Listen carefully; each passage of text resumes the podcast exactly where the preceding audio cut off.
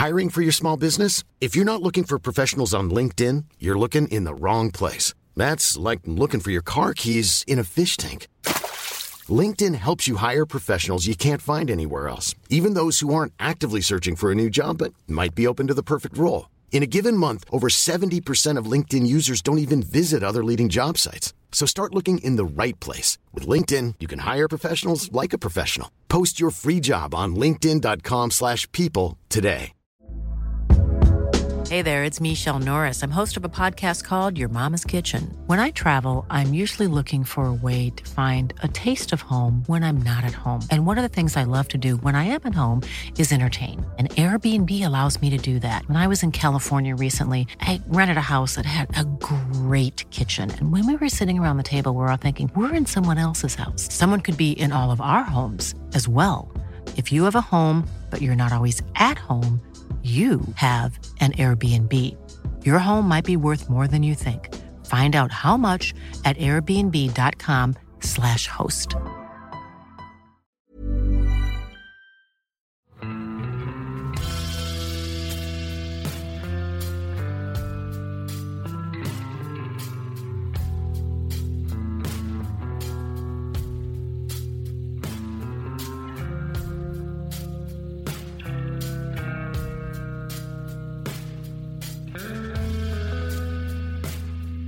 Hei og velkommen til podkasten Uteliv. Mitt navn er fortsatt Randulf Valle. I dag så sitter jeg ute og nyter en eh, fin vårdag. Vi har eh, skogen foran oss, fuglene synger. En polarhund er her, og man skulle på lyd, eh, som på en podkast, fort kunne tro at man er ute på tur, men jeg sitter på trappa hjemme. Og sammen på trappa så sitter Jens Kvernmo. Velkommen hit. Takk for det. Tur er tur. Trenger ikke å reise langt. Nei, Jeg foretrekker å reise litt lenger enn til trappa. Ja, litt lenger kunne jeg vært, men ja, det er jo nærturer. Det er jo i vind, da. Så, ja. Og det er jo dørstokkmila man snakker om, og dørstokken har vi kommet over. Den har vi kommet over, da. Om vi ikke kommet så mye lenger, så er den det viktigste å komme over. Så det klarte vi. Men uh, du har jo kommet mye lenger enn uh, dørstokken ganske ofte i det siste. Uh, vært mye på tur. og det starta vel med liksom, at du tok et for mange ganske drastisk valg for noen år siden. du sa opp jobben. Kan du fortelle litt om hvordan du kom fram til at det måtte til? Nei, jeg drev og snubla i den dørstokken i mange år da, før at jeg, før at jeg endelig kom meg over den, ja, da. Så, som mange andre sikkert. Så det var vel i, i 2012 at jeg sa opp jobben første gangen, da. Sånn skikkelig, da. Uten å ha noen returmulighet eller eh, noen andre faste avtaler. Så, så, det var jo da jeg kjente på den sånne store frihetsfølelsen som alltid kanskje har higa etter. For jeg leste jo boka til en uh, pelsjegerliv, da, til Helge Ingstad, da jeg var i ungdomsårene. og en ting var jo at jeg drømte meg bort disse jakt- og fiskeopplevelsene, men uh, det var den derre frihetsfølelsen da, som jeg er sikker, sikker på han hadde, da. Og det eventyret han reiste på, som alltid har vært kanskje drømmen min, da, drivkraften min. Og i 2012 så gjorde jeg det på en måte det som jeg da trodde skulle bli en gang i livet, da. Og, ja, hva gjorde du da? Ja, da sa opp jobben. Da hadde jeg jo samboer, og, og, vi hadde jo en stasjonsvogn faktisk òg, i tillegg til pickupen min. da. Så da var jo livet nesten på rett kjøl. Men så bestemte vi, eller jeg bestemte at vi skulle reise på tur, da. Da reiste vi på en femmånederstur oppe opp i Nord-Sverige, der at vi levde som ja, jegere og fiskere og, og pelsjegere, på en måte. Litt som de gamle, gamle karer gjorde. For det har alltid vært drømmen min, da, etter å ha lest boka til Helge Ingstad. Og da var jo sikkert Eh, intensjonen at vi skulle hjem og lage barn og slå oss til ro etterpå, da, men det, det, det, gikk jo ikke for meg. Da, da Det sådde en spire i meg den turen der, også. Og det å kjenne på den frihetsfølelsen, også, den, var, den satte seg, satt seg litt for dypt i, i ensemann. Ja, for det er jo sånn for de fleste at eh, det å dra på en langtur, det tar jo ikke bort lysta til nye langturer. Nei, jeg tror jo dette skulle være en sånn konto Altså, jeg var jo på mye turer før, og før den turen, da, så sånn type månedsturer var jeg jo på. Jaktturer spesielt, da. Og jeg så jo for meg at kanskje at jeg skulle fylle kontoen da, med den der femmånedersturen i 2012. Men eh, altså, jeg tror det er heller stikk motsatt. At, du, at du, på en måte den kontoen krymper bare. Altså at, at, du får plass til mer og mer på den kontoen jo mer du er ute. Ja, det er vel Stein P. Aasheim han er jo veldig god til å sette ord på ting. og Han eh, sa vel at han har registrert at minnene tar mindre plass enn drømmene. Så hver gang du gjør om en drøm til et minne, så får du plass til en ny drøm. Ja, det, jeg har ikke tenkt sånn på men det, det, jeg kan skrive under på at det er sånn, ja. Faktisk, dessverre. Så jeg skulle jo egentlig Jeg som både òg, da. Jeg skulle jo på en måte ønske at jeg fikk litt sånn ro i sjelen på et tidspunkt, da. Det var det jeg håpa, da. Det var når jeg passerte 30, liksom, at jeg kunne ha fått, fått en liten ro i kroppen. Men eh, det blir jo egentlig bare verre og verre. Så det, det er jo bra, det òg, for da kommer meg ut på nye eventyr. Men eh, men eh, på en måte, når, når skal det slutte? Det er det jeg er litt redd for. Ja, tilbake til inspirasjon her. Det, det, er fascinerende hvor mange som nevner akkurat 'Pelsjegerliv' av Helge Ingstad som det som liksom setter i gang drømmen. Det at ei bok som begynner Den er snart 90 år gammel, og fortsatt så er en stor drømmegenerator. Altså Kan du si noe mer om akkurat hva det var som gjorde at, gjorde, at akkurat den boka gjorde så sterkt inntrykk? Ja, altså det er jo tenkt mye over det der. Altså, han var jo ikke noe sånn eh, Altså han var jo en eventyrer av rang, han derre Helge, da. Eh, samtidig så var det vel eh, Så er det på en måte mange andre Altså han var sikkert en av de første som på en måte ikke gjorde det her for noen form for bragd, tror jeg. At han, han skulle ikke vinne nytt land eller eh, være den første som krysser et eller annet, eller eh, eller vært den raskeste, for den del. Altså, han, skulle bare eksistere, han. Han skulle bare oppleve og, og nyte naturen og møte med folket. Og, og, det var det som var intensjonen hans. Og det tror jeg det treffer nok veldig, veldig, veldig mange flere, da. Akkurat den formen for friluftsliv. Eh, Innen en sånn typisk eh, Nordpolekspedisjon, da.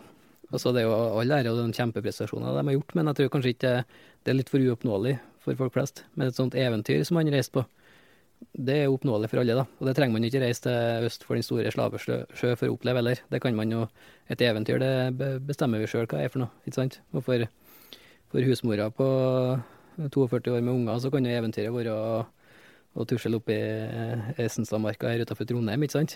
Med ungene. Det kan jo være et stort eventyr for hun og ungene. og mens for uh, noen andre så må man kanskje reise litt da, for å oppleve eventyret. Men uh, jeg tror det er derfor det har fenga og inspirert så mange, da. Men du, da du hadde gjort unna eventyr nummer én, så ble det jo et eventyr til. Du, du, reiste jo for så vidt øst for den store slavesjø. Du reiste bare veldig langt øst for den store slavesjø. ja. ja, jeg er jo oppholdt meg øst for den store slavesjø hele livet. Så det, jeg skjønner ikke hva Ingstad holdt på med så han måtte reise så langt. Vi har jo, vi har jo vært der hele livet, vi. Nei, da var jeg jo Ja, hvor er jeg igjen i verden nå? I 2012, ja. Det var da jeg gjorde den første liksom, lange turen, da. Og så fortsatte jeg å jakte og dra på sånn månedslange turer, men jeg klarte aldri å slippe taket på sånne på den frihetsfølelsen. da. Og da er en, altså, man, man, er nesten nødt til å, til, å, til å si opp jobben faktisk for å få kjenne på den ordentlig, da. Og ikke ha noen dato du skal møte opp igjen. For eh, jeg hadde mange ganger hatt to måneder fri, f.eks. Da hadde jeg alltid den der datoen, da. At eh, 27. oktober så må jeg møte opp da, på en bestemt plass for å gjøre en bestemt ting for noen andre. da. Og det, det et eller da, da fikk jeg aldri den frihetsfølelsen. Selv om jeg kunne loffe rundt i to måneder, så hadde jeg aldri den helt store friheten. da, For jeg visste at på et, tidspunkt så må jeg møte opp igjen. da. Så for meg så var jeg var avhengig av å si opp jobben da, uten å ha noen retur, for å, for å, finne den følelsen. Og i 2015 så gjorde jeg det eh, på nytt igjen, da. Men da bestemte jeg meg for at nå var det for et litt lengre perspektiv. Da Da tenkte jeg egentlig fem år. Eh, sa til meg sjøl at jeg skulle bruke fem år, da på å leve ut eh, tur, turdrømmer som jeg har gått og tenkt på. da. Jeg legger merke til at du allerede nå sier 'egentlig'. ja. Nei, det var det her med drømmekontoen da, som blir tynnere og tynnere. Blir mindre og mindre. Drømme, drømmekontoen blir større, mens, uh, mens den her, ja, det er mer plass på den kontoen, da. Dessverre. Ja. Men det første eventyret du liksom, da, da, du sa opp jobben igjen, da, så var det heimfjella du dro på tur i? Rett og slett mine egne heimfjell som jeg har vært på tur i sikkert 40 ganger før. da. Så det var litt sånn surrealistisk. Men, for meg så er jeg har aldri hatt noe behov for å reise så langt. Aldri hatt behov for å reise til Alaska eller Canada. Jeg finner, jeg finner som jeger og fisker og fangstmann så finner jeg alt jeg trenger da, i, i mine egne fjell. Altså det, for meg så er opplevelsene det handler om. Og, og dem får jeg samme hvor jeg er igjen, da. Om jeg er på Finnmarksvidda eller Nord-Sverige eller, eller Hardangervidda eller mine egne hjemfjell, så opplevelsene er jo der uansett. Så den første Da bestemte jeg meg for å gjøre en overvintring, da. Litt inspirert av Helge Ingstad, men kanskje først og fremst av en bestefaren min og, og ja, gammelonkel og de gamle karene oppe i bygda da, som, som overvintra der når de var på min alder. Og de jakta jo rypa til, til inntekt, de guttene der. De spiste jo ikke Gammelonkel han er vel noen og 70 år nå, da. Han, han har ikke spist ei rype sjøl, før han var i slutten på 50-åra. For han, han solgte rypene. Altså, Han bar med seg mat inn i fjellet. Fangsta ryper hele vinteren, bærte dem ut, solgte dem, og så hadde han ikke spist ripe til han var gått opp i 50-åra. Det er ganske utrolig når en tenker på det. Det, det, er litt sånn som du hører en del sånn i Asia, sånn fiskelandsbyer hvor fiskerne ikke sjøl har råd til å spise fisk. Men det er ikke lenger tilbake du skal, altså før liksom egentlig det var tilsvarende i Norge? Nei, det var sånne eh, gammelkarer der. Eh, vokste opp så, sammen med fisk òg på sommeren. Så hadde de med seg kunne ha med seg noen sånne pølser fra slakteren på Steinkjer. Bærte innover det, fiska og båret fisken ut igjen. da, Og solgte den. Så det det er, ikke, det er ikke lenger tilbake. altså ja, 50 år tilbake, da. Så levde de liksom litt av landet, da. Jeg hørte en historie om en eh, guttunge oppe i Børgefjell som hadde fått med seg 20 haglpatroner, vært ute og skyte rype, og så kom han tilbake med bare 19 ryper.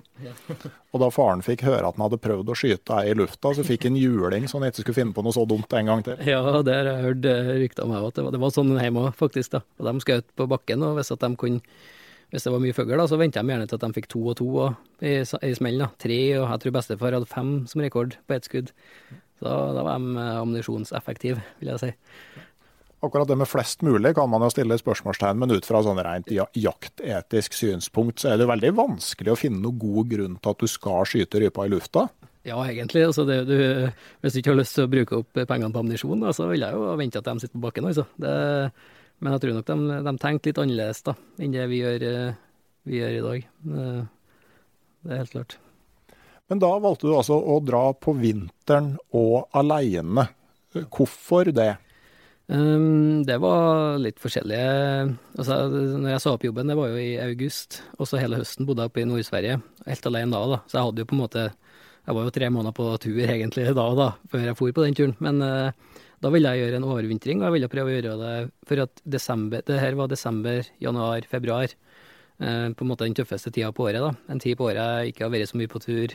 Jeg har i hvert fall ikke vært på en så lang tur, da, på den tida før. Og jeg ville prøve å gjøre det alene, og ville gjøre det på en måte på gamlemåten, som de gamle karene gjorde. Og bo der tre måneder i et strekk, da. Og det var litt for å eh, litt, litt, på en måte for å teste meg sjøl, egentlig. Og Altså om jeg klarte det, for å finne en utfordring. da. Altså, jeg, jeg på en måte, jeg bruker å sette meg noen mål på turene mine, da, for at jeg skal jeg må Innimellom må minne seg sjøl på hvorfor man gjør det. For at å være alene er ikke bestandig like enkelt. Og, så da er det viktig å ha et mål. da. Altså hva er grunnen for at jeg drar på denne turen her? Og det, på den turen her så var det for å teste meg sjøl og se om jeg klarte å ja, på en måte litt leve av landet, da, som eh, gir meg veldig mye på turene mine.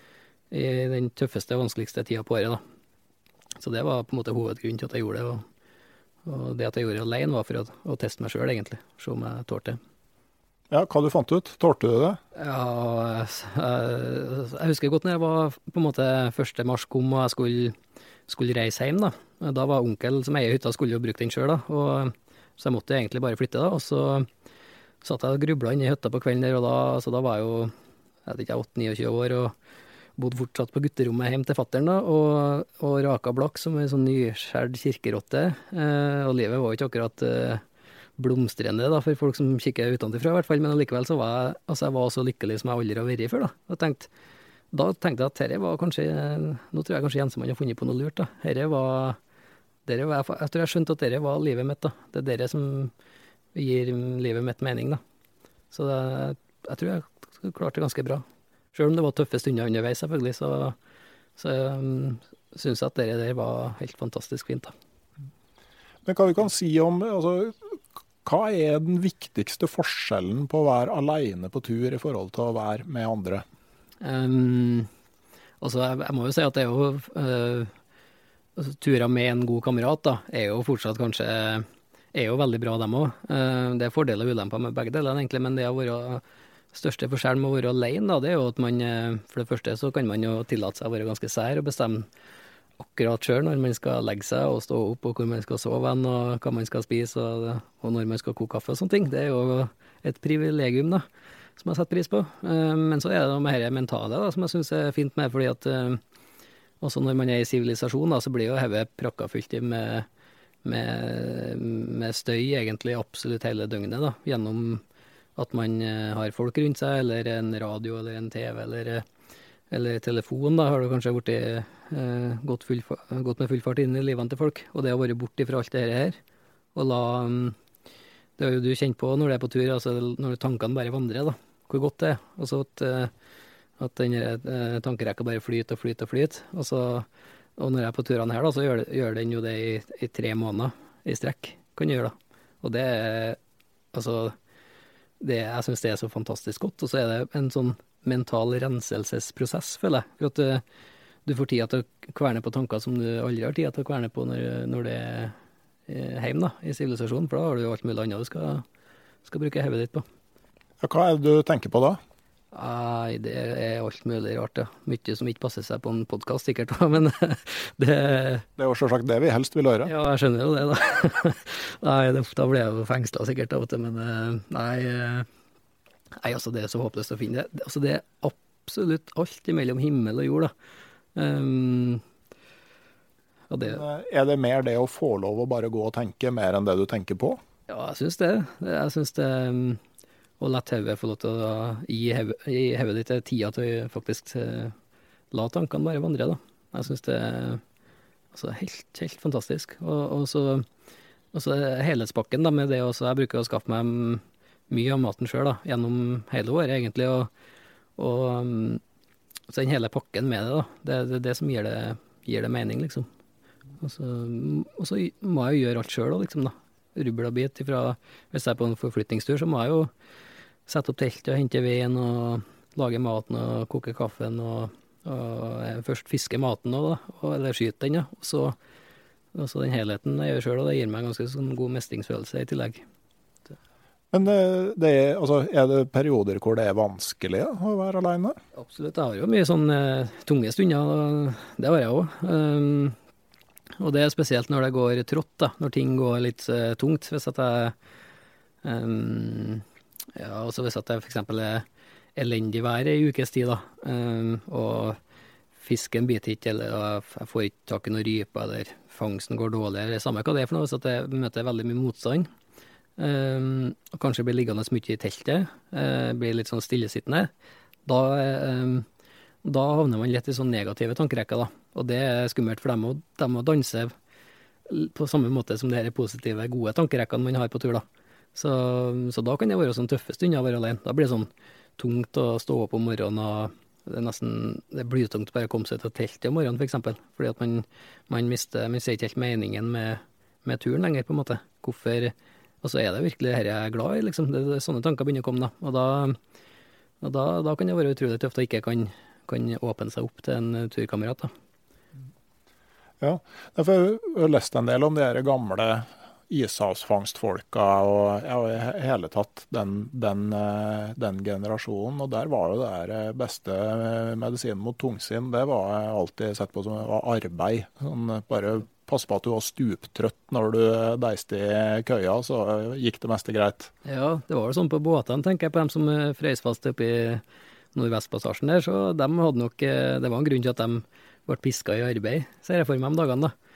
Og det, det, tenker jeg jo på, jeg, og det, det, er en av hovedgrunnene til at jeg begynte med å skaffe meg å ikke ha med middagsmat, f.eks. Altså, den må jeg skaffe sjøl, for da har jeg i hvert fall ett, ett gjøremål per dag. Eh, så mange ganger så kan jo det ta hele dagen, det.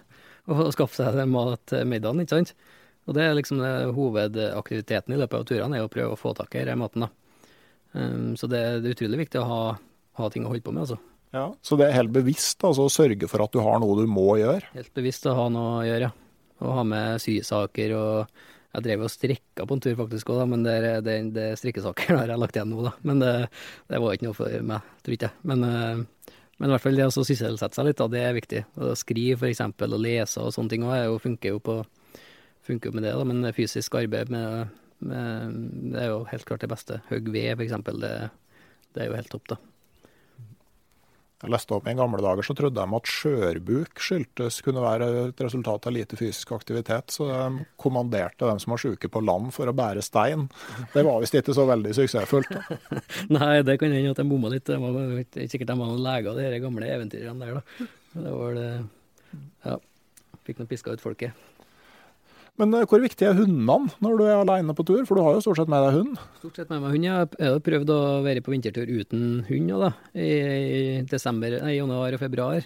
Og det var ikke like kult da. Da ble det lange kvelder i teltet, altså. Når det ble mørkt sånn i, i firedraget, ikke sant.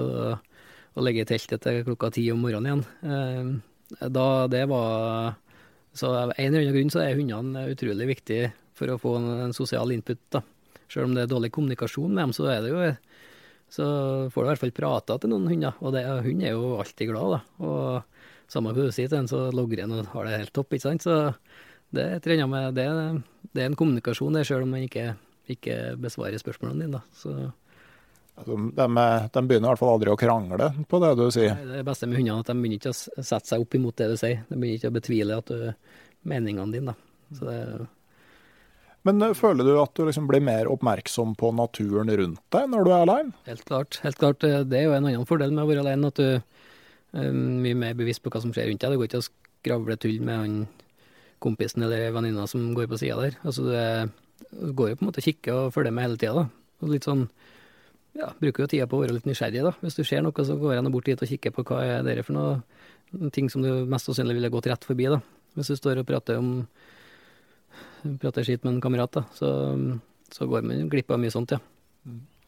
Jeg hadde en opplevelse, jeg var et par uker alene i Sarek for ganske mange år siden. Og da jeg lå i soveposen om kvelden, så hørte jeg det kom en fyr. For det var fottrinn i snøen ute. Og med en gang jeg stakk hodet ut av soveposen, så var lyden borte. Så krøp jeg ned igjen, og da var lyden tilbake igjen med en gang. kom det fottrinn i snøen. Og Det som viste seg, var at halspulsen min dytta den Gore-Tex-lua jeg hadde, mot soveposen, som lagde en lyd som var kliss lik som fottrinn i snø. Jeg tror ikke jeg hadde fått med meg det hvis jeg hadde vært på tur med noen. Nei, det hadde du opplevd. Det ble en bra historie ut av det.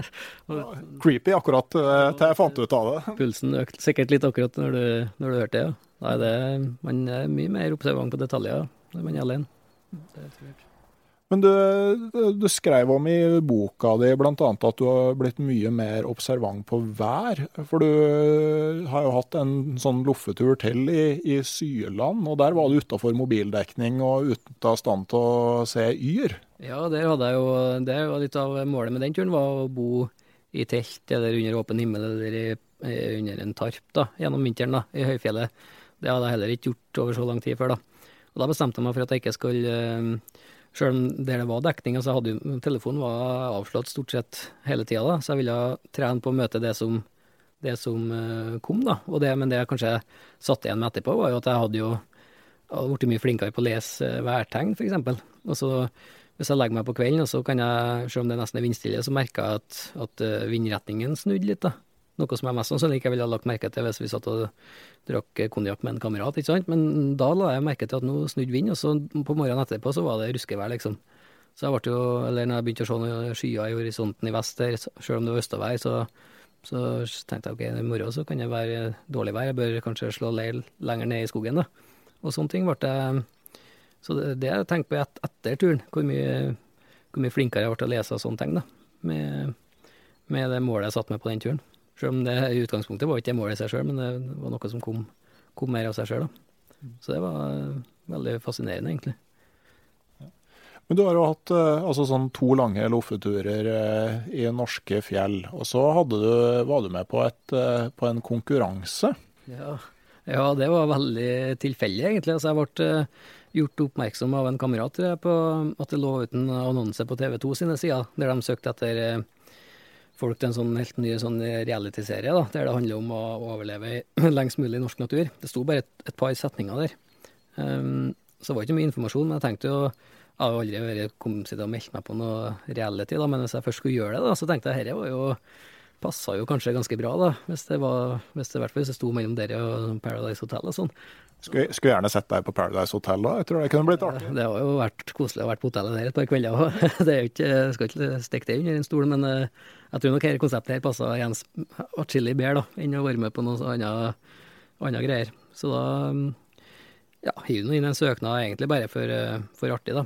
Um, men jeg fikk jo være med, så, så det var et utrolig spennende konsept, altså. Og um, det var jo Vi fikk veldig lite informasjon, og det var kvelden før vi reiste at vi fikk flybilletter, f.eks. Så vi visste ikke hvor vi skulle igjen. Og heller egentlig ingenting om konseptet, da. Bare at det handla om å overleve lengst mulig i, norsk, i den norske villmarka, eller hva det sto.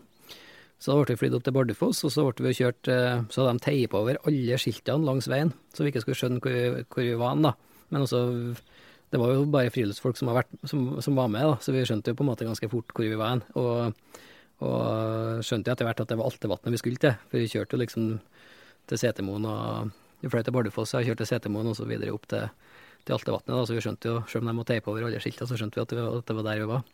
Og der skulle vi bli plassert ut hver for oss, da, rundt hele rundt hele vannet, uten mat og uten ja, uten ikke kaffe heller, da. Det kommer jeg på å reagere på. Og så mm, med helt sånn enkle basic eh, hjelpemidler, da. Altså sovepose, ligge under lag øks og tennstål og et, eh, noen fiskesaker, da. Et, et garn fikk vi òg. Eh, og så var det om å gjøre å holde ut lengst, da.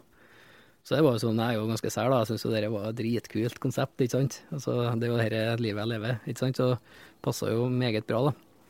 Og jeg tror jeg, jeg, Men jeg, jeg, følte at det, at det var mange andre der òg som, som syntes det hørtes kult ut, da. For jeg tror det var flere som hadde ambisjoner om å, om å holde ut lenge, da. Han ene skulle jo pynte campen sin til jul og sånn, og det dette var jo i august, da. Så var, jeg begynte å spekulere litt på hva jeg hadde meldt meg på, men uh, det var et spennende konsept. Det kribla godt i magen når jeg ble kjørt ut, kjørt ut med båt her, altså. Eh, men eh, hvordan, eh, når det plutselig da er, det som er målet, å holde ut lengst mulig med det naturen rundt deg har å by på, hvordan tenkte du da? Um, nei, altså, altså, vi fikk jo følelsen av at det var en konkurranse på denne pre-campen. Vi møttes jo tre dager før vi skulle ut. og da, da kjente jeg på det, og kanskje de første dagene kjente jeg på at dette er en konkurranse. Men så etter hvert så så, for vi, vi, så jo ingenting av de andre. Altså, de var jo på hver sin plass rundt. Uh, og vi visste jo Vi fikk jo ikke vite når noen trakk seg. Men vi fikk heller ikke vite om, om, vi, om vi ble henta hvis vi var sistemann igjen, da. Så, så, så, det var litt sånn både òg, men jeg, jeg, følte ikke på at vi var med i en konkurranse etter noen dager, så da gikk man inn i en sånn overlevelsesmodus, egentlig. Og jeg satte meg målet Jeg satte meg et mål om at jeg, jeg skulle vinne, men samtidig satte jeg meg et mål om at jeg skulle gjøre det behagelig å være der i tillegg òg, da. Altså jeg skulle trives. Det var, hvis ikke så hadde jeg ikke gidda å bruke hele jakthøsten min på å være der. Så, um, så det, jeg, jeg, prøvde å gjøre det om til en, til en, egen tur og en egen utfordring da, i det, da, for å klare å finne motivasjon for å, for å være der. Ja, sånn Konkret, eh, hvordan gikk du fram for å kose deg? Uh, nei, altså jeg kommer jo veldig godt på denne første morgenen, da, når jeg våkna opp i campen min der. Da var jo ett døgn siden sist jeg hadde fått mat i kroppen. Og da, altså, jeg husker jeg var, jeg var så matinn, og jeg hadde en sånn skallbank som, som jeg aldri har hatt etter noe julebord, liksom. Det var en sånn ordentlig djup skallebank, da. Og det var nok pga. kaffen, tenker jeg, som var mangelvare. Um, så um, altså, jeg husker det første jeg gjorde, det var at uh, første jeg bestemte meg for, at jeg, at, um, jeg må sove og, og hvile tørt og behagelig. da. Det er det aller viktigste. Sånn er jeg på alle turene mine, at det, det, er noe jeg prioriterer mest. da. At uh, Hvis ikke natta er bra, så, er ikke, så blir turen bra uansett. da. Så da begynte jeg å bygge gamme egentlig på, på, dag to der. Begynte den prosessen i hvert fall. For at mat skal jeg klare meg noen dager uten, men jeg må holde meg varm, da. I hvert fall på natta. Så den gamma bygde jeg egentlig på det første, si første uka, så var den ganske ferdig, da. Og så begynte jeg å um, Eh, etter hvert prioritere fisking mer og mer, da. Og jeg var jo veldig heldig med plassen min, for at den bukta jeg hadde attmed at med eh, ja, campen min, da, den, eller jeg, jeg plasserte jo campen attmed bukta, men den passa akkurat til garnet mitt. Det var sånn, Når jeg strakk ut det, så var det bare en meter på hver sin side av garnet. da. Så jeg tror ikke det gikk opp så mye gytefisk i den bekken den, den, høsten der, da. Men det var jo helt innafor lovlighetens grenser, da. I hvert fall under omstendighetene der, da. Så da begynte jeg å prioritere fiske, for det er jo det tross alt Vi fikk jo ikke lov til jakt, så var fisk som var hovednæringskilden. Eh, og bær, da. Bær og fisk, det var de to hovedingrediensene jeg bestemte meg for at jeg skal bruke tida på. da. Så begynte jeg å eh, sanke bær, og da spiste jeg halvparten av det jeg sanka hver dag. Sånn at et, et, et lager øka hele tida. Akkurat sammen med fisken. da. Fikk jeg tre fisker, spiste jeg kanskje én eller to. Og fikk jeg fem, så spiste jeg kanskje tre, da, og, og så videre. Og så tørka jeg resten, da. Så at um, jeg kunne uh, ete ganske bra, men allikevel så bygde jeg opp et matlager, da. For litt trangere tider, hvis jeg skulle slå han som skulle feire jul. Ja, du slapp å feire jul, men du hadde igjen et ganske solid matlager da du eh, fikk beskjed om at du hadde vunnet? Ja, um, jeg husker ikke riktig antallet, men jeg kjempa Jeg sa vel noe som at jeg hadde tre uker i hvert fall med mat igjen i gamma, da. Med, med fisk og hele soveposttrekket var fylt i sånne store, fine blåbær. Så, så hadde fisket stoppa opp der, så hadde jeg klart meg en stund til, altså. Men fisket ble bedre og bedre, da. Og, og nest siste dagen fikk jeg 16 fisker i garnet. Og da spiste jeg alle den dagen her. For da tenkte jeg nå har jeg så bra med matlager, og så nå skal jeg nå skal jeg kose meg en dag, liksom. Altså, første dagen på tur, hele den turen, da, jeg tur, men så spiste jeg all fisken jeg fikk, da. Så jeg var og tre sånne store fiskegryter den dagen der. Så jeg, jeg ble egentlig henta ut uh, stappmett. Så det var litt artig, egentlig. Det er jo veldig bra. Men uh, vi snakka om det, sånn viktigheten for å holde, å holde, seg aktivitet for etter at tungsinnet skal komme. Men på en sånn prosjekt som det der, så er det jo egentlig et poeng å ikke være mer i aktivitet enn det som er høyst nødvendig. Ja, det er jo um, Ja, det var på en måte en Så det, jeg tror nok det var kanskje min største mentale prøvelse, da. For at um, Og spesielt i september, da, når jeg hørte det gikk jo rypejegere oppe i fjellet der, som det knatra og smalt, ikke sant. Og jeg er jo rypejeger av hele mitt hjerte, da. Så det var kanskje den største prøvelsen med det. Med å gå med, for 10. september gikk jeg faktisk opp i fjellet bare for å se på dem. Når de, det var det dummeste jeg gjorde egentlig på hele oppholdet. Men um, uansett, da, det var det er noe med å holde seg i aktivitet, ja. Jeg gjorde egentlig det med Gamma, var faktisk eh, kanskje det viktigste prosjektet, for den jobba jeg med hele, hele, hele, oppholdet. Litt hver dag, da. Eh, eh, først så gjorde jeg den tett og sånn, at den gikk og bolig, og så begynte jeg å, å tette den med, med um, bjørkkvister. Og så hadde jeg jo torv oppå der igjen, og så begynte jeg å hente einer da, for å sørge for at musa ikke kom inn. og og så fant jeg sånn, eh, eh, sånn bøye som jeg kunne bruke til pipe, så da begynte jeg å bygge meg ei sånn grue inni her. Så jeg hadde jo på en måte prosjekter hele, hele veien, da. Så um, jeg berga ganske bra, men der, der, fikk jeg virkelig kjent på viktigheten av å ha noe å holde på med, da. Og det tror jeg kanskje knakk mange av de andre, tipper jeg. At det var det som For at mange av de andre fikk jo fisk nok. Men uh, Så det var noe annet som på en måte gjorde at de valgte å gi seg, og da tror jeg det er ganske sikker på at det er tungsinnet som, som tok dem til slutt, da. Du har jo eh, hatt en militærkarriere, altså eh, befalsutdanning og skarpskytterutdanning i Forsvaret. Hadde du hjelp av det, på, både på den turen her og på andre turer? Ja, det vil jeg si. at har jo, Vi har jo alle sammen perioder i livet som har, forma oss. da. Og den perioden i livet er jo helt klart den som har forma meg mest, da. Bortsett fra litt sånn oppvekst og sånn, selvfølgelig. Men eh, altså ja, Helt klart. altså Jeg ble jo fysisk og psykisk eh, robust i den perioden der, da. Altså vi ble jo piska rundt. Det var jo alt mulig slags uh, skit vi var igjennom. og Hata jo sikkert livet da, men sett i ettertid så har det hjulpet meg veldig mye. altså.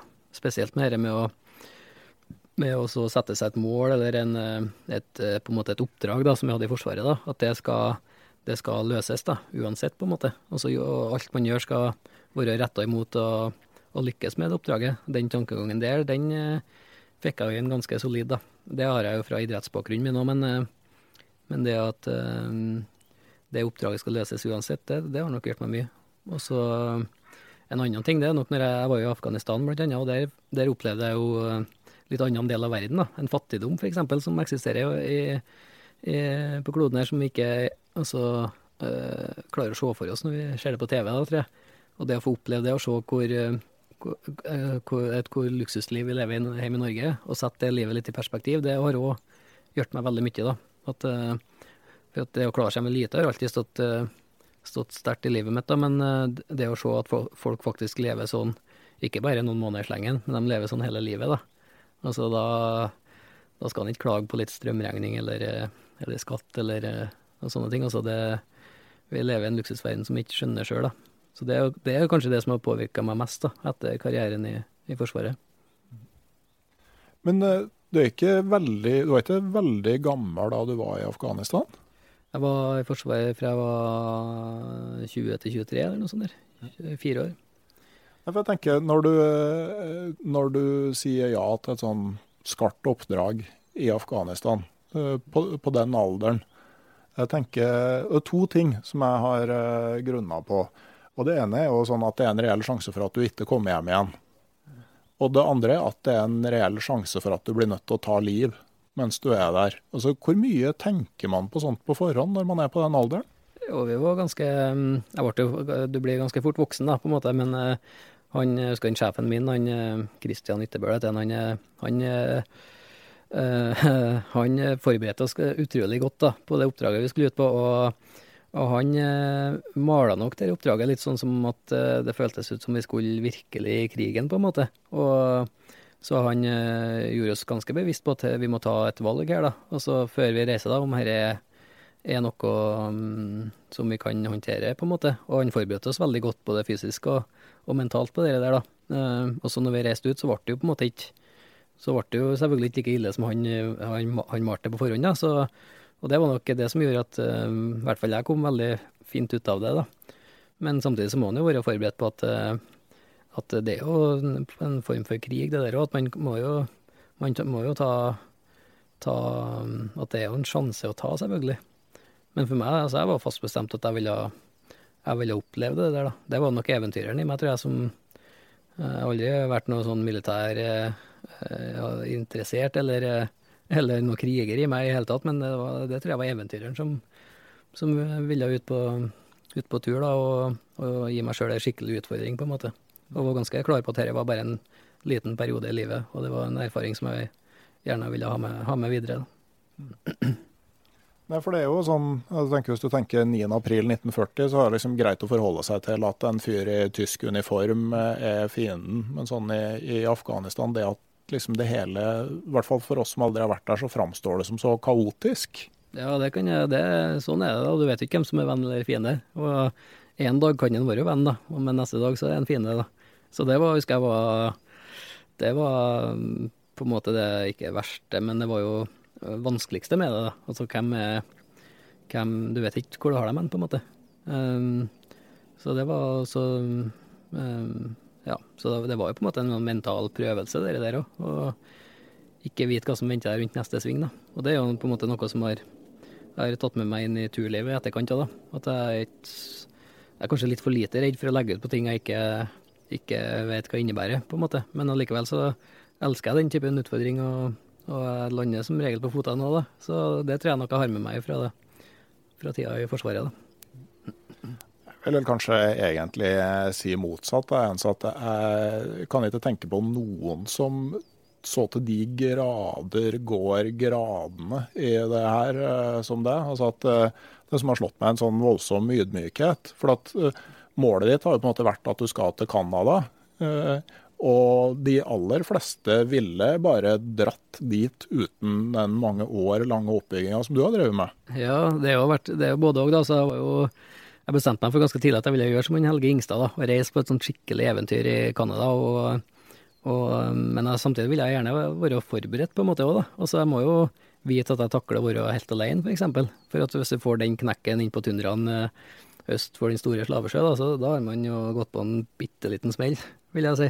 Så det er greit å ha prøvd det på forhånd, tenkte jeg. Og med det siste prosjektet med hundekjøringa, så jo, mm, er det jo greit å vite eh, hvordan man skal håndtere et hundespann. For man står innpå inn på tundraen der ikke sant, og begynner å knote med høyre og venstre, da går man jo på en bitte liten smell, tror.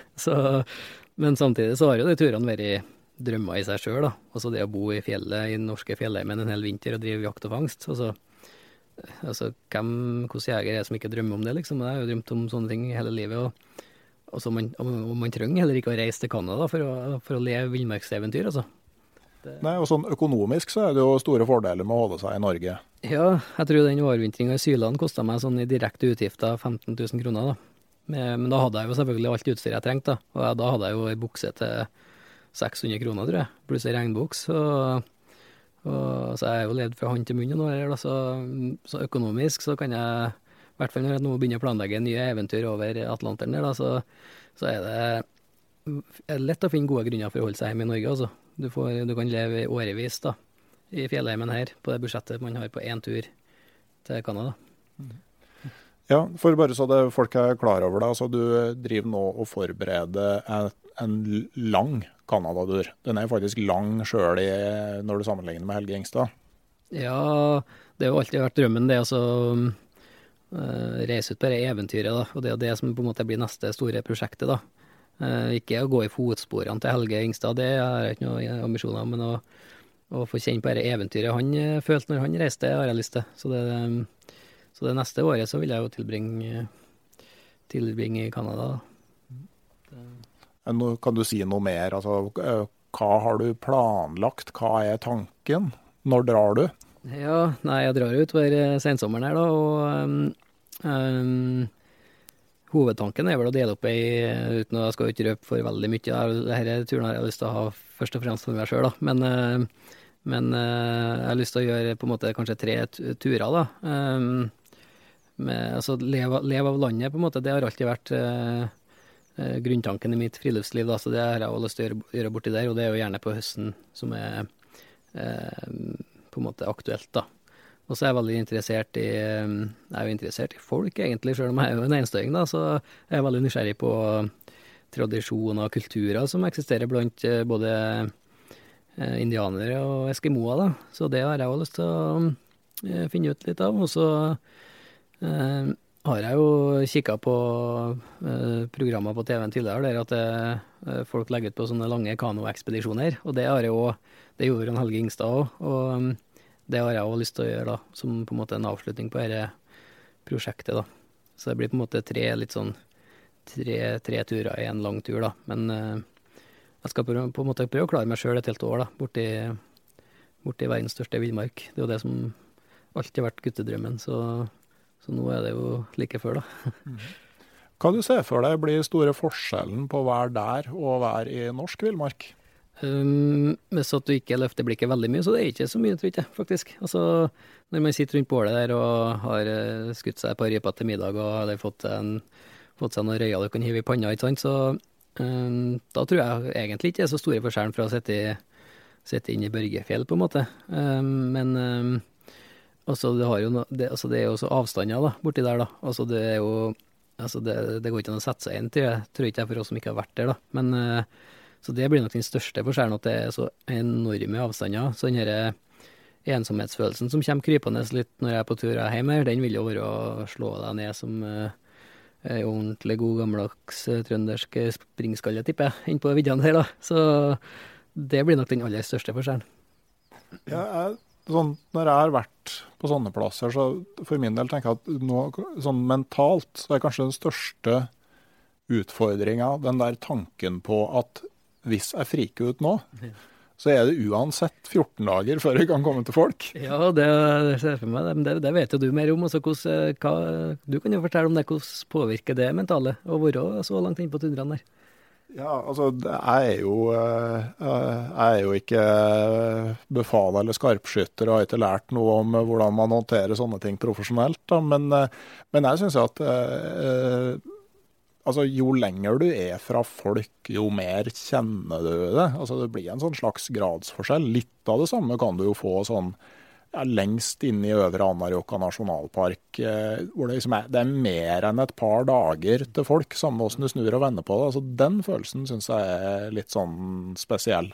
Ja, det ser jeg for meg det. Men det blir, det blir eh, hvordan har du forberedt deg da, på møtet? da? Altså, har du tenkt, tenkt gjennom det på forhånd første turen, eller var det sånn at den kom litt sånn bardust på? da?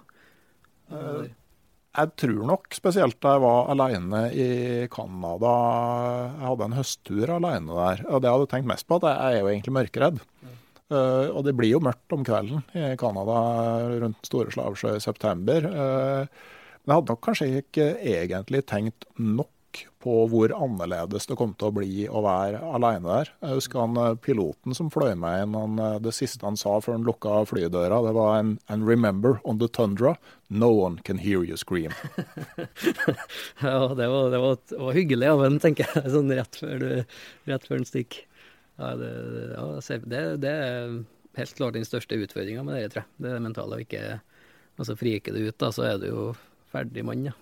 Det ja, I dag har vi jo nødpeilesenderen eller satellittelefonen, men det er jo eh, det, altså, for, for uh, Jens, det står på bilen din her at du jakter på et vilt liv, så er det jo litt sånn nedtur. Og jeg har ringt etter helikopter på dag nummer fire. Da. Ja, ja, ja, nei, det, det, kan jeg i hvert fall ikke fortelle til noen. nei, nei da, så det, det så skal ikke alle, alle skal man snu, altså, men jeg får håpe at det ikke skjer. Altså. Men det er jo litt av grunnen til at jeg, jeg har vært på noen turer alene nå, da, for å sjekke om jeg tåler det. Og når jeg kan bo tre måneder i et strekk i fjellet her helt alene, så forhåpentligvis så tåler jeg å, å være der noen uker òg, da.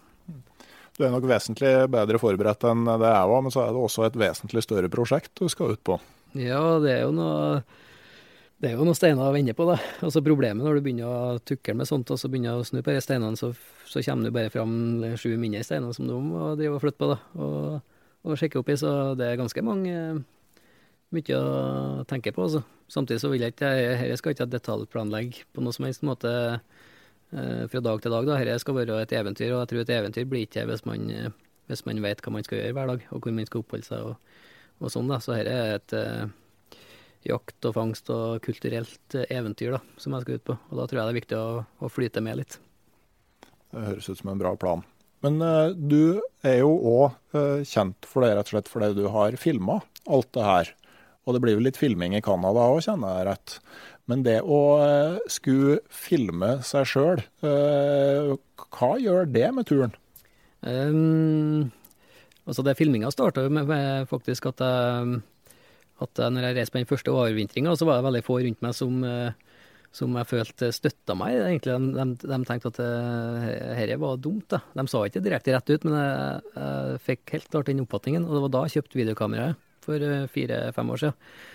Og filma den turen. Da, da, da husker jeg, altså, For det første syns jeg det var kjempeartig. Jeg er jo ikke fotograf, jeg har aldri hatt et fotoapparat før det da, i livet mitt. Og uh, alt gikk på auto.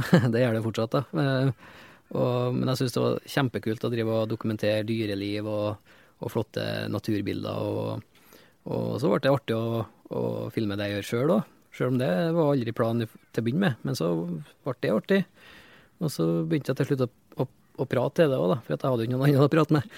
Og så til slutt så ble det jo på en måte en, eh, ja, en vanesak, egentlig. Og man kan jo si at det kanskje det tar jo litt av tida og oppmerksomheten i turen det er på. Det gjør det jo. Eh, det er jo en, eh, en tidkrevende aktivitet, da. Men samtidig så har jeg jo 24 timer i døgnet alene og disponerer fritt, som jeg bruker to av de timene på å tukle med et videokamera. Så har jeg fortsatt eh, 22 timer igjen da, som jeg har kun for meg sjøl. Så, så, og de to timene syns jeg er artig å, å holde på med det òg. Så jeg syns ikke det ødelegger. Det, det, jeg syns heller at det beriker turen, faktisk. Ja, for Du snakka om det og faktisk viktigheten av å ha noe å gjøre, og det er jo noe å, å fokusere på? Det er akkurat det. Det er en, en, ting å holde på med, faktisk. da, som eh, På kveldene når jeg sitter og styrer med, med minnekort eller noe, prøver å lade opp noe batteri på noe dårlig solcellepanel og sånn, så, så, er det jo en ting til å tukle med, da, som gjør at tida går og hodet har noe å bryne seg på. Og, ja, så, så, tenker jeg det må være interessant det å se sin egen aktivitet utafra, for det må du jo på et vis gjøre for å klare å filme. Uh, ja, man må jo løfte blikket bitte litt, da. Det må man jo. Men jeg har aldri kikka på filmene sjøl, da. Det har jeg ikke gjort. Jeg har ikke sett uh, annet enn så vidt jeg har vært innom i klippeprosessen. Men jeg har ikke sett et sekund av det som har vært på fjernsynet. da. Det klarer ikke jeg å se på. Um, og jeg har ikke noe behov for å se på det, da, for jeg var jo der. Så jeg vet jo hva som skjedde. Men, uh, men um, ja, man får kanskje et litt mer sånn resonnert bilde av hva man holder på med, da. Det tror jeg. Og så man må jo på en måte tenke litt tenke litt, altså, Det er ikke noe poeng å filme at man skal sette opp teltet hver dag, da, men også at man må jo tenke gjennom hva man, hva man gjør, og hva som kan være interessant for noen andre å se på. da. Så man, eh, man får et litt perspektiv på det, på en måte. Uh, hvor mye lengre tid tar det å filme at du sjøl og bikkjene kjører over ei slette og eh, forbi en busk, enn å kjøre over ei slette og forbi en busk? Det tar jo mange hundre prosent lengre tid, det gjør det. Det er klart. Altså, det kommer en på. så Det kan jo være at det er på en plass altså Jeg begynte å ha med meg en drone på tur, f.eks. Og det er jo det skal jeg ærlig innrømme at det er noe forbanna prakt, da. Når du, spesielt på vinteren, når du driver og knoter med det der i 30 minusgrader. og og først må batteriet på pungen en, eh, en korte 20 minutter før det hele tatt uh, starter opp det maskineriet. Så da kan det ta ganske mye lengre tid å kjøre forbi den busken, ja. Men samtidig så er det jo Det er så synd at jeg syns det er artig å holde på med, da, det er det som er. Hadde jeg syntes det var artig, så hadde jeg jo ikke, hadde ikke knota med det. Men det, det, gir, det, gir, meg faktisk mye på de turene å få til. Jeg syns det er kjempeartig, og spesielt i etterkant, da, når man har vist det frem og folk har fått tatt del i turen, og, og man uh, får tilbakemelding om at man har inspirert da, mange. da. For sånne meldinger har jeg fått veldig mye av de siste par årene, og folk har faktisk uh, Til å begynne med så ble det sånn at folk ble inspirert, og nå har de lyst til å legge ut på sin egen drømmetur. og så Nå har jeg begynt å få meldinger fra folk som har faktisk har gjennomført sånne drømmer. da. Være en måned på jakt, eller, eller gjort en kanotur de har tenkt lenge på fordi at de, de fikk det siste puffen, da. Fordi at jeg gidda å knote mer med filminga på turene mine, og da er det på en måte skikkelig verdt det, da, syns jeg. Det har gitt meg mye, altså. Ja, det er åpenbart det at eh, det er mange som setter pris på det her, i hvert fall. Ja, det virker jo sånn, da. Det er jo, det er jo på en måte surrealistisk, for jeg får jo surre rundt med Jeg får bare surre rundt, egentlig. Og, ikke sant? og jeg er gjør jo akkurat det jeg har gjort før, og, og jeg gjør jo ikke noe spesielt heller. Det er ikke noe, noe som helst form for bragder. Jeg gjør det jo et helt vanlig, enkelt norsk friluftsliv, da. Kanskje litt lenger inn enn det de flesteparten har tida til, til, å gjøre det. Men, eh, men sett fra dag til dag så er det noe absolutt alle kunne gjort, da. Og da er det surrealistisk at det er så mange som, som følger med på det egentlig.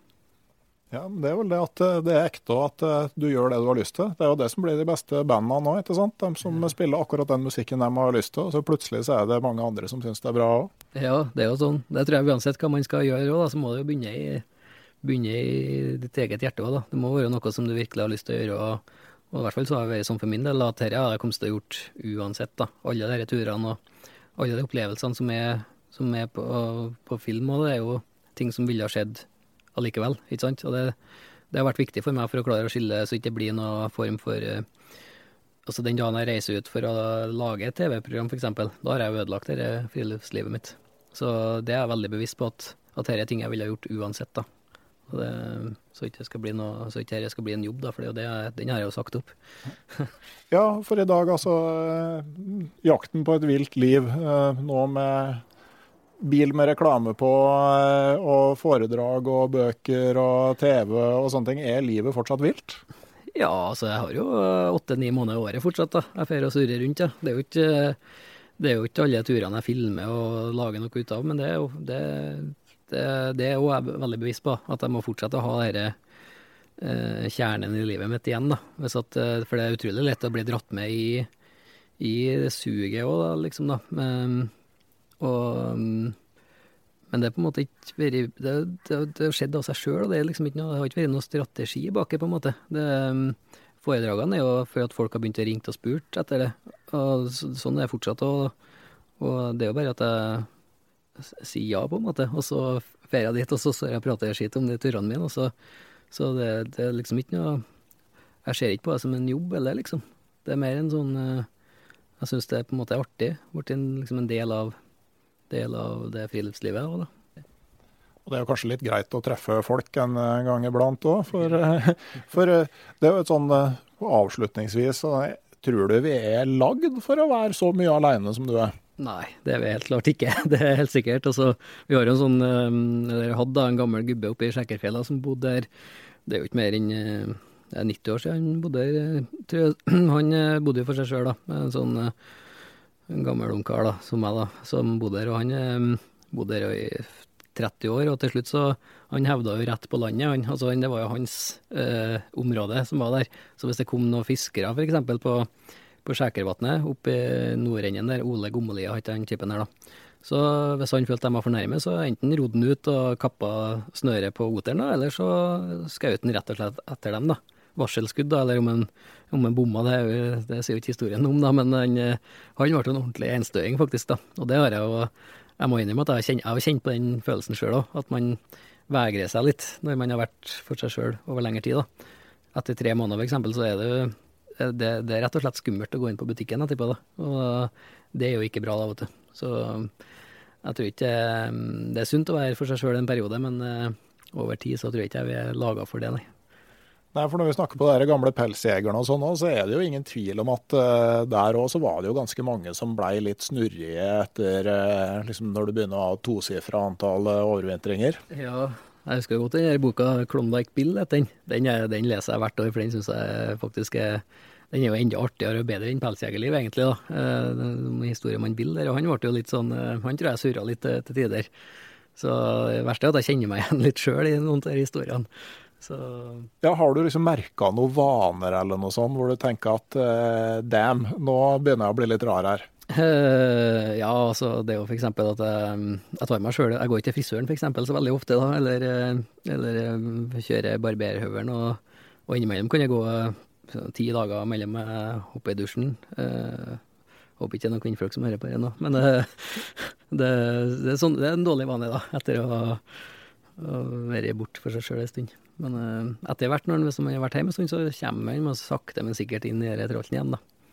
Og da er det på tide å dra på ny tur? Da er det veldig på tide å dra på tur, tur igjen. Det, det går På slutten av turene så er det sånn ofte at jeg gleder meg til å komme hjem og tenke at ok, nå skal jeg, nå skal jeg slå meg til ro da, og finne meg kvinnfolk og lage noen unger og sånn, og så går det fem-seks dager, så begynner jeg å skrike igjen i kroppen. da, vet du. Det er jo evig runddans som aldri til slutt, dette.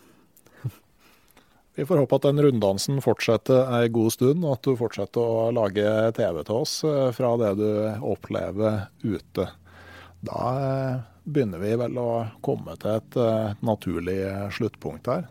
Så da skal vel vi gjøre det som vi snakka om nå, fortsette livet uten å dokumentere. og Ta en kaffekopp til her i sola. Enten vi nå satt i villmarka eller på trappa, det har jeg glemt, egentlig. Eh, jeg kan nevne at eh, podkasten Uteliv har et eh, samarbeid med Camp Villmark, som går av stabelen på Norges varemesse fra 26. til 28. april. Dit kommer Jens og har foredrag på lørdag, ikke sant? Og bli å treffe på Forfattertorget sammen med meg. Så når du kommer for å kjøpe boka til Jens, så kan du ta meg av bøkene mine òg. Det går an, det, altså. Uh, og ellers så skal jeg bare ønske alle sammen ei riktig god påske. Uh, kom dere ut på tur. Og hvis dere møter en fyr som ikke har klipt seg eller dusja på lenge, og som skyter vilt rundt seg og vil ha deg unna fisken, så er det antagelig bare Jens som har slått seg til og tatt fullt eierskap over en del av den norske villmarka. Det syns jeg han skal få lov til. Så da sier vi takk for oss.